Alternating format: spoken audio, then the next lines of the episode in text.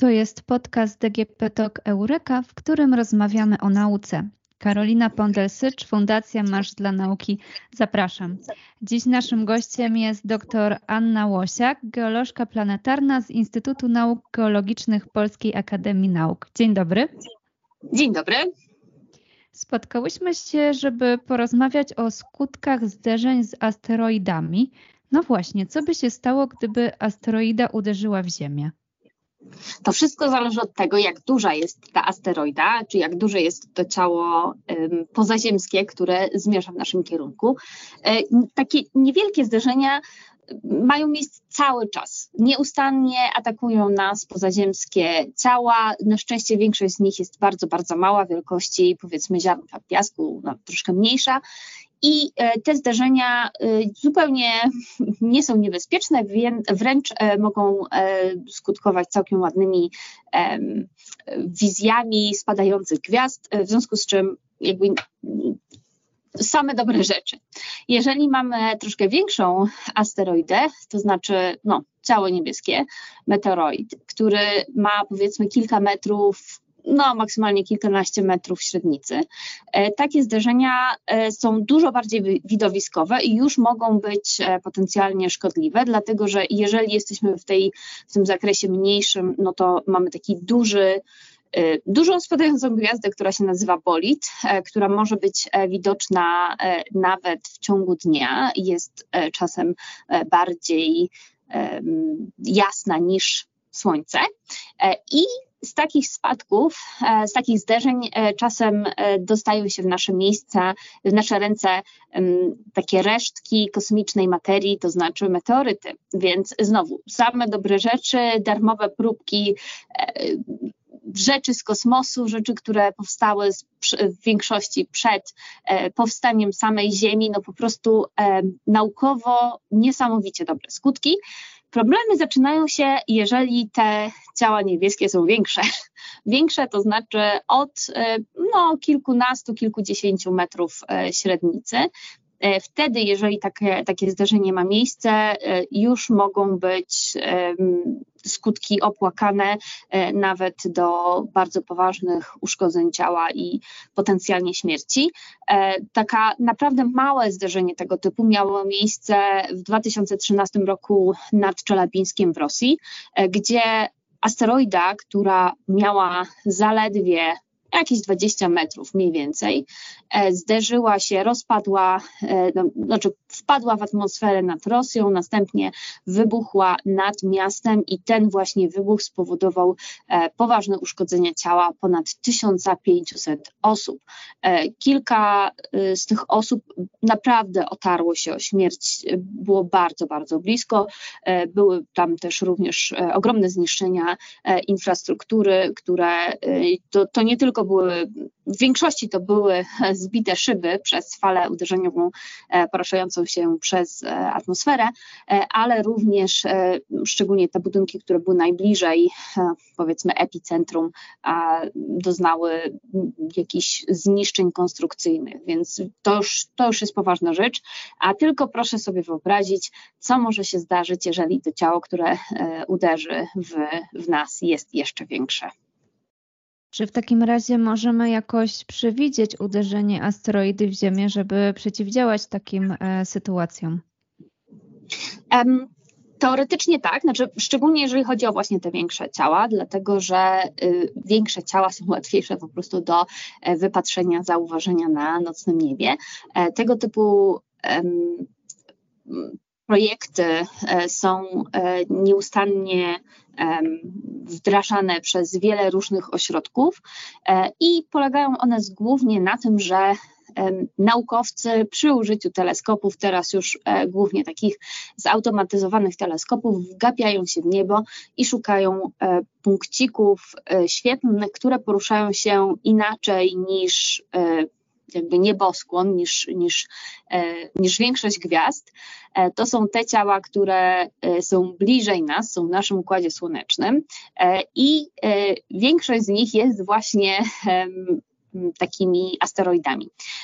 Jeżeli później, jak, jak w ramach takiego projektu zostanie wypatrzona jakaś taka właśnie dziwnie poruszająca się dziwnie poruszający się obiekt, kulka świetlna, punkt świetlny, jest jej lokalizacja prawdopodobna orbita porównywana do bazy danych ciał, które już teraz znamy.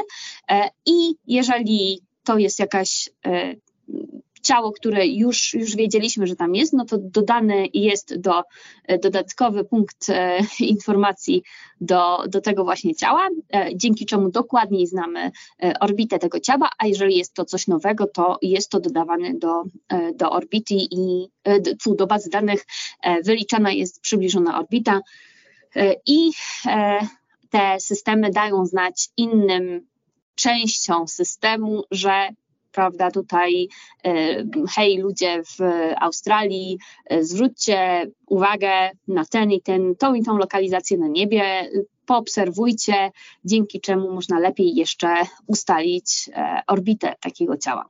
Więc jak już znamy dokładnie orbity takich ciał, to możemy, no może nie łatwo, ale w przewidywalny sposób wyliczyć, czy takie ciało ma szansę się z nami zderzyć, a jeżeli tak, to kiedy i z jakim prawdopodobieństwem.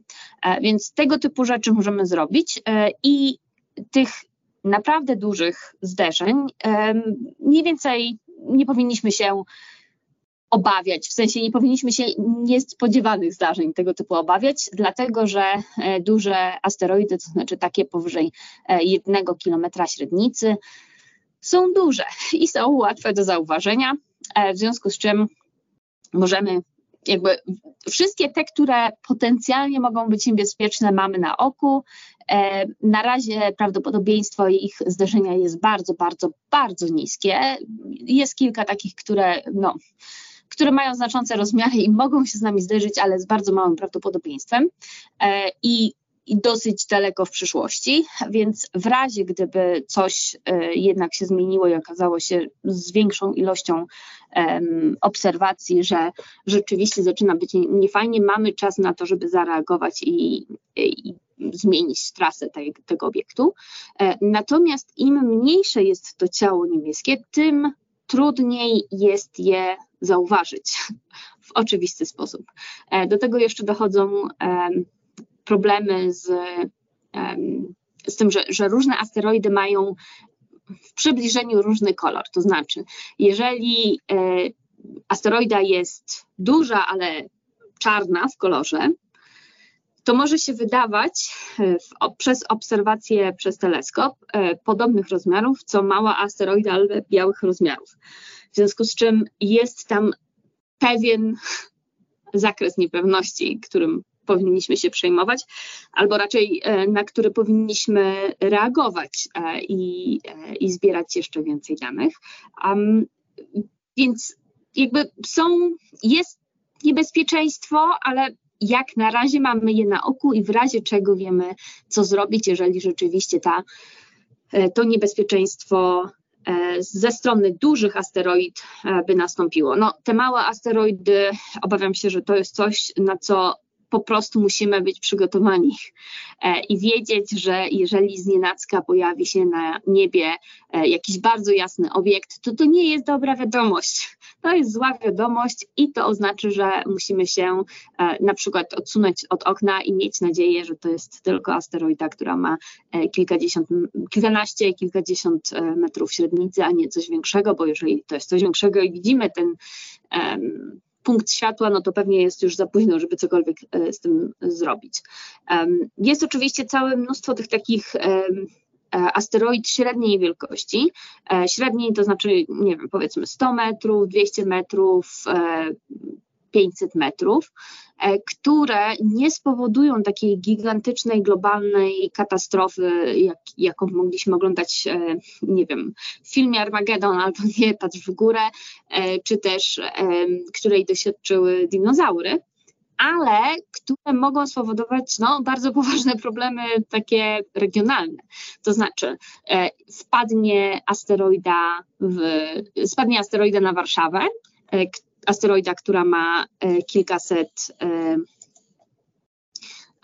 metrów e, średnicy, powiedzmy 200 metrów średnicy, 500 metrów średnicy, to kawałki takiej asteroidy spokojnie, jakby kawałki i asteroidy, no, trochę asteroidy, ale głównie Warszawy i, i Mazowsza rozsypią się po większości Europy i jeszcze pewnie dolecą e, fragmentami do Afryki. W związku z czym e, gigantyczne problemy i jeżeli jest szansa na to, że, że tej, tych rozmiarów asteroidy nie będziemy w stanie dojrzeć wystarczająco wcześnie, żeby rzeczywiście zmienić jej e, orbitę w wystarczający sposób, natomiast e, być może będzie to wystarczającym wyprzedzeniem, żeby przynajmniej zrobić ewakuację i jakoś przygotować się na skutki tego zderzenia. Jeśli uda nam się przewidzieć taką asteroidę odpowiednio wcześnie, to jakie są sposoby, aby zmienić e, tor, e, tor lotu tej asteroidy? Jest wiele różnych pomysłów, które potencjalnie mogą działać. E, na przykład przemalowanie takiej asteroidy. Może, jeżeli jest zrobione wystarczająco z dużym wyprzedzeniem, jest to od odpowiednich właściwości asteroida obracająca się, bla, jest szansa na to, że to zmieni e, w bardzo przewidywalny i bardzo taki tani e, sposób tą trasę asteroidy, ale to, co zostało wypróbowane w praktyce i to na pod koniec e, zeszłego roku, więc bardzo świeże dane, e, to jest taki kinetyczny impaktor, to znaczy po prostu rozpędzona e, bardzo misja, jakby satelita, nie satelita, statek kosmiczny, zderza się z taką asteroidą, co następnie powoduje, że asteroida po prostu jest leciutko od odkopnięta na troszkę inną orbitę. Jeżeli zrobi się to z wystarczająco dużym wyprzedzeniem, e, jest jakby ta, ta malutka pierwotnie zmiana propaguje i powoduje, że w rezultacie asteroida w nas e, nie trafia.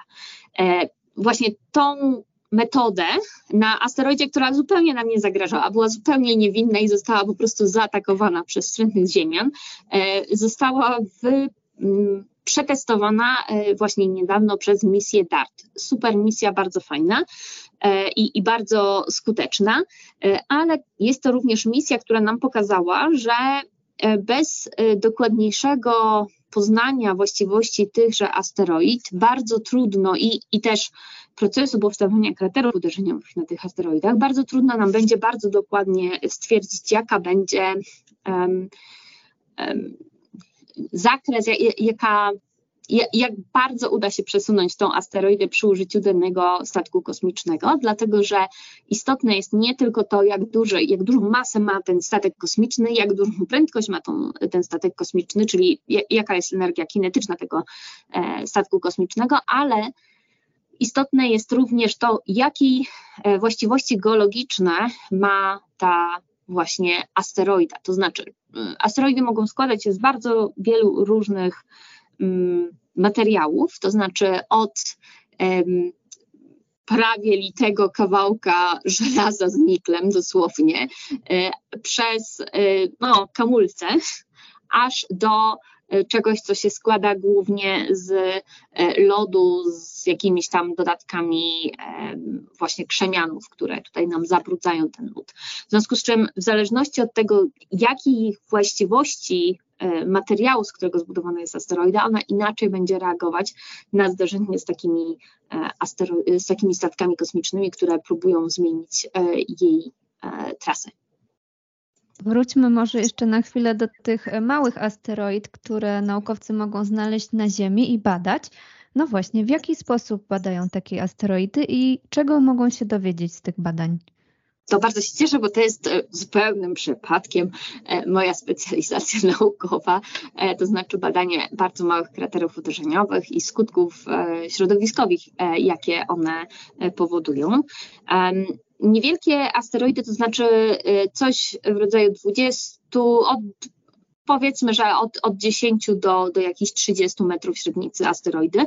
To jest coś, co jest najczęstszym typem, rozmiarem ciał, które z nami się zderza i właśnie dlatego jest nietrywialna liczba tych właśnie kraterów uderzeniowych z E, ostatni, które powstały w ostatnich 10 tysiącach lat. A jeden z tych przykładów mamy nawet w Polsce. To znaczy, tak, Polska była zaatakowana przez pozaziemskie siły e, no, od 3 do 6 e, tysięcy lat temu dokładniej rzecz biorąc, asteroida żelazna spadła na to, co jest dzisiejszym Poznaniem, to znaczy na kolebkę polskości e, i zrobiła kratery uderzeniowe, e, z których największy ma 100 metrów e, średnicy.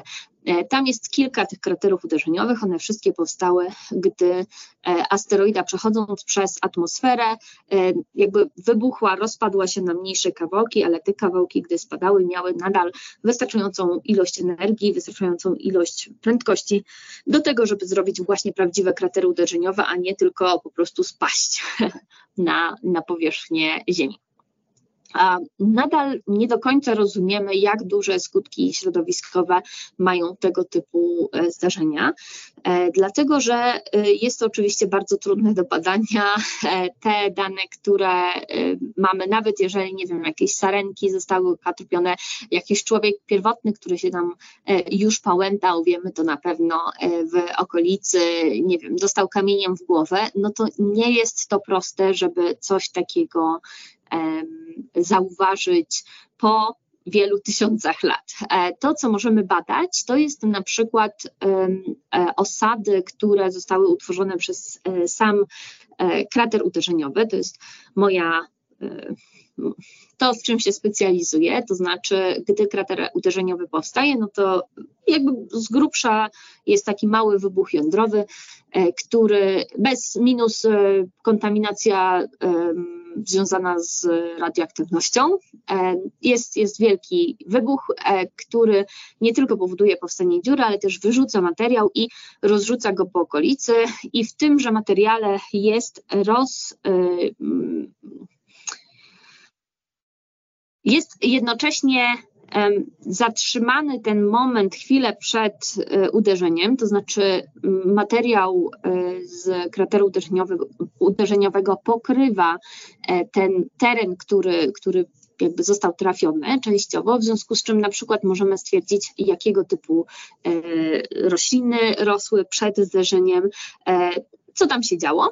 E, jesteśmy też w stanie na podstawie takich e, węgielków, które zostały utworzone w czasie właśnie takiego zdarzenia, e, stwierdzić, jakie były warunki w czasie samego procesu powstawania krateru uderzeniowego, a później na przykład z badania osadów jezior, które bardzo często tworzą się w środku krateru uderzeniowego, stwierdzić na podstawie takich cieniutkich e, warstewek, e, które, które często tam powstają, jakie warunki panowały na tym obszarze zaraz po. To znaczy na przykład jak szybko wróciło normalne życie e, do, do tego obszaru, jak szybko wróciły normalne rośliny i zwierzęta i, i życie zaczęło się na nowo.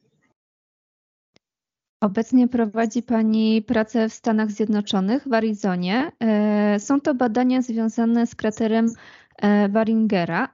Na czym polegają te badania i dlaczego e, akurat ten krater Baringera jest tak ciekawym miejscem do badań?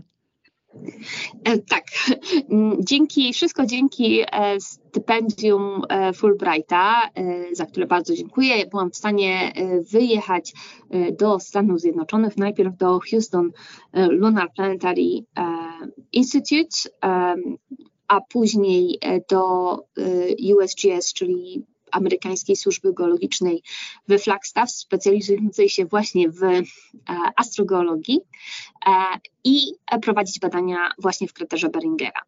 E, to, co próbuję zrobić, to jest ponownie zobaczyć, jakby spróbować przenieść moje doświadczenia z tych małych kraterów uderzeniowych, bo to nie jest tylko Morasko, które badałam, to jest jeszcze kilka innych kraterów na całym świecie, dwa w Estonii, w jeden w Kanadzie.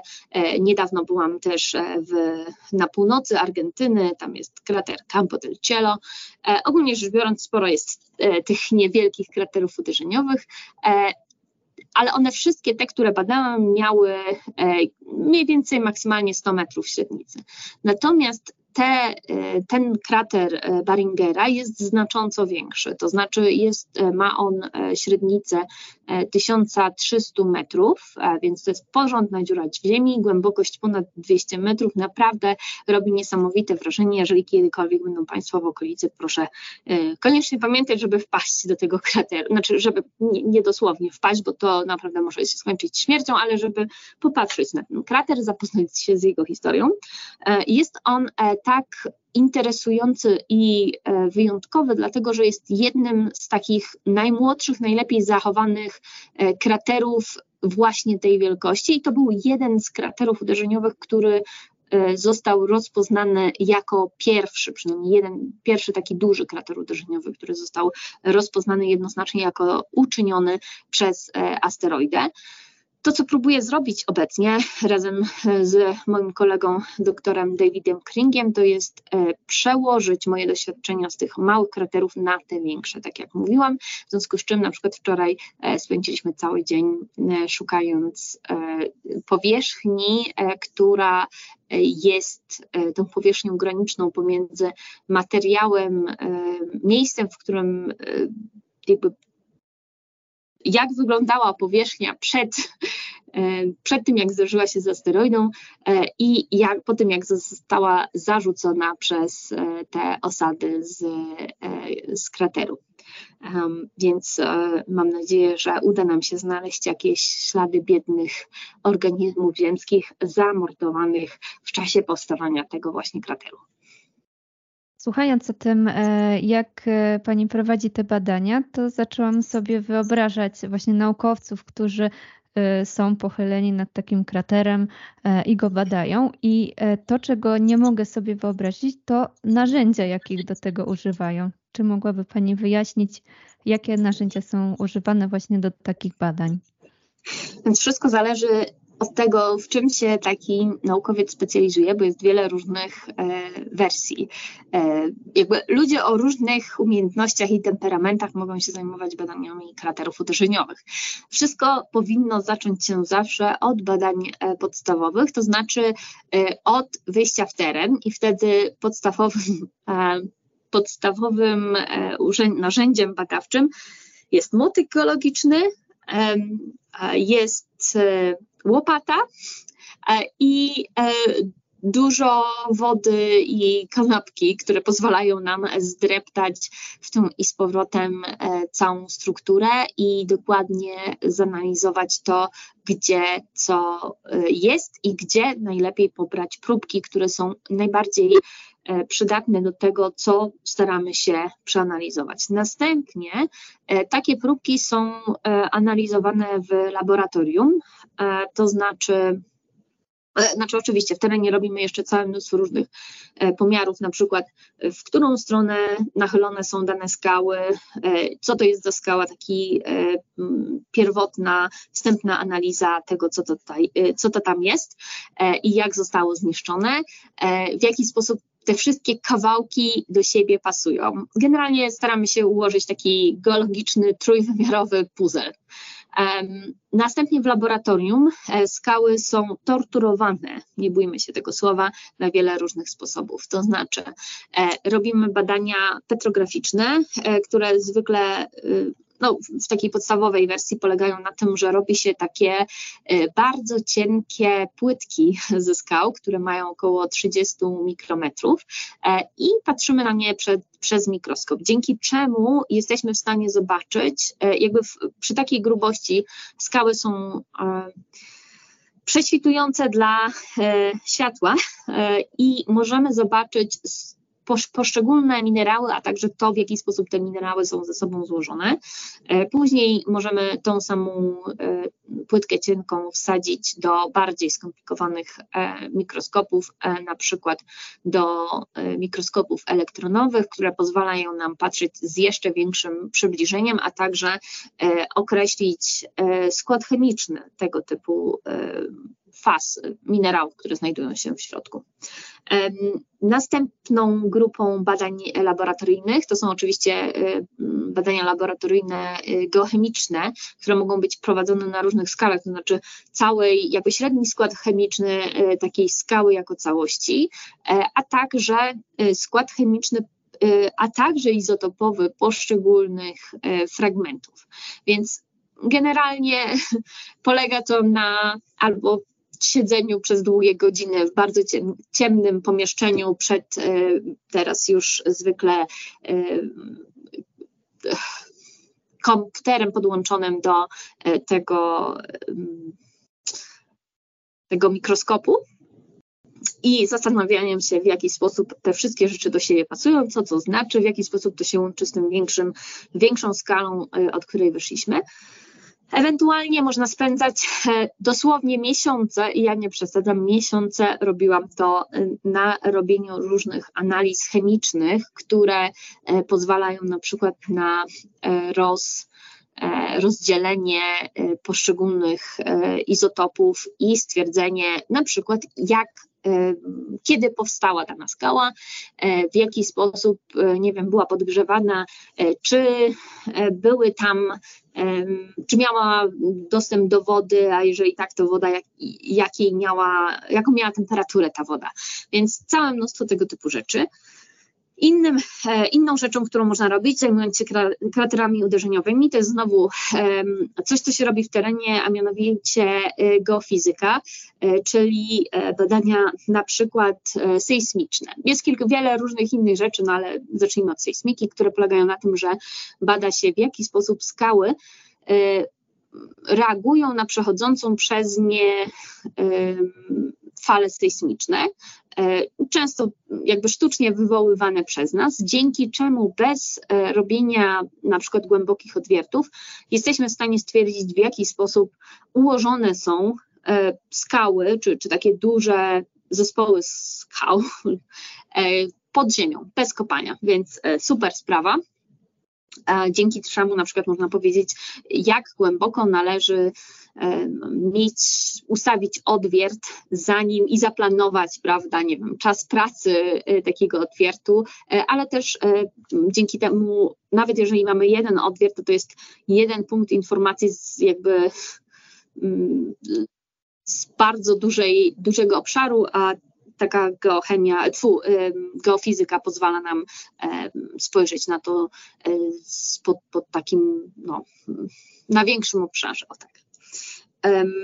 Innym e, typem badań, jakie mamy, to są badania, e, które są w pełni prowadzone y, przed komputerem, e, to znaczy badania polegające na modelowaniu numerycznym powstawania takich kraterów, co polega y, na tym, że zbieramy wiedzę, którą zebraliśmy dzięki tym wszystkim pozostałym metodom, więc na przykład na, na podstawie tej, y, tych wcześniejszych badań wiemy, w jaki sposób jaka jest dokładnie wielkość krateru, nawet przed tym, jak był zerodowany przez kilka tysięcy czy kilka milionów lat erozji. Wiemy, jaka jest głębokość takiego krateru na przykład, wiemy, jakie są właściwości skał, wiemy, jak e, wygląda system spękań i inne tego typu rzeczy. E, I próbujemy to przedstawić w formie e, programu komputerowego, który następnie pozwala nam jakby prze, mm, zrobić coś w rodzaju takiego krateru, tylko że tylko w komputerze, ale dzięki temu jesteśmy w stanie powiedzieć, y, jakby bardzo dokładnie prześledzić to, w jaki sposób co się zmienia y, i w jaki sposób, nie wiem, przemieszczają się poszczególne warstwy skalne, y, do jakich temperatur najprawdopodobniej są podgrzane, wszystkie tego typu rzeczy. Więc jest bardzo dużo różnych specjalizacji i różnych um, umiejętności, które są potrzebne przy badaniu kraterów uderzeniowych i dopiero gdy te wszystkie części złoży się jakby do kupy, jesteśmy w stanie odpowiedzieć na pytania takie jak y, czy wszyscy zginiemy przez asteroidy, co zrobić, żeby tego uniknąć, z jakiej odległości trzeba y, ludzi ewakuować, żeby prawda, tutaj nie popadali jak muchy. Miejmy nadzieję, że e, asteroidy, które będą zmierzać e, w kierunku Ziemi, to nie będą te, przez które wszyscy zginiemy, ale te, które dadzą naukowcom e, pole do badań. Dziękuję bardzo za rozmowę. Bardzo dziękuję. I zapraszam do tutaj dyskusji i rozmyślania na temat asteroid zmierzających do nas z kosmosu. Naszym gościem była geolożka planetarna dr Anna Łosiak.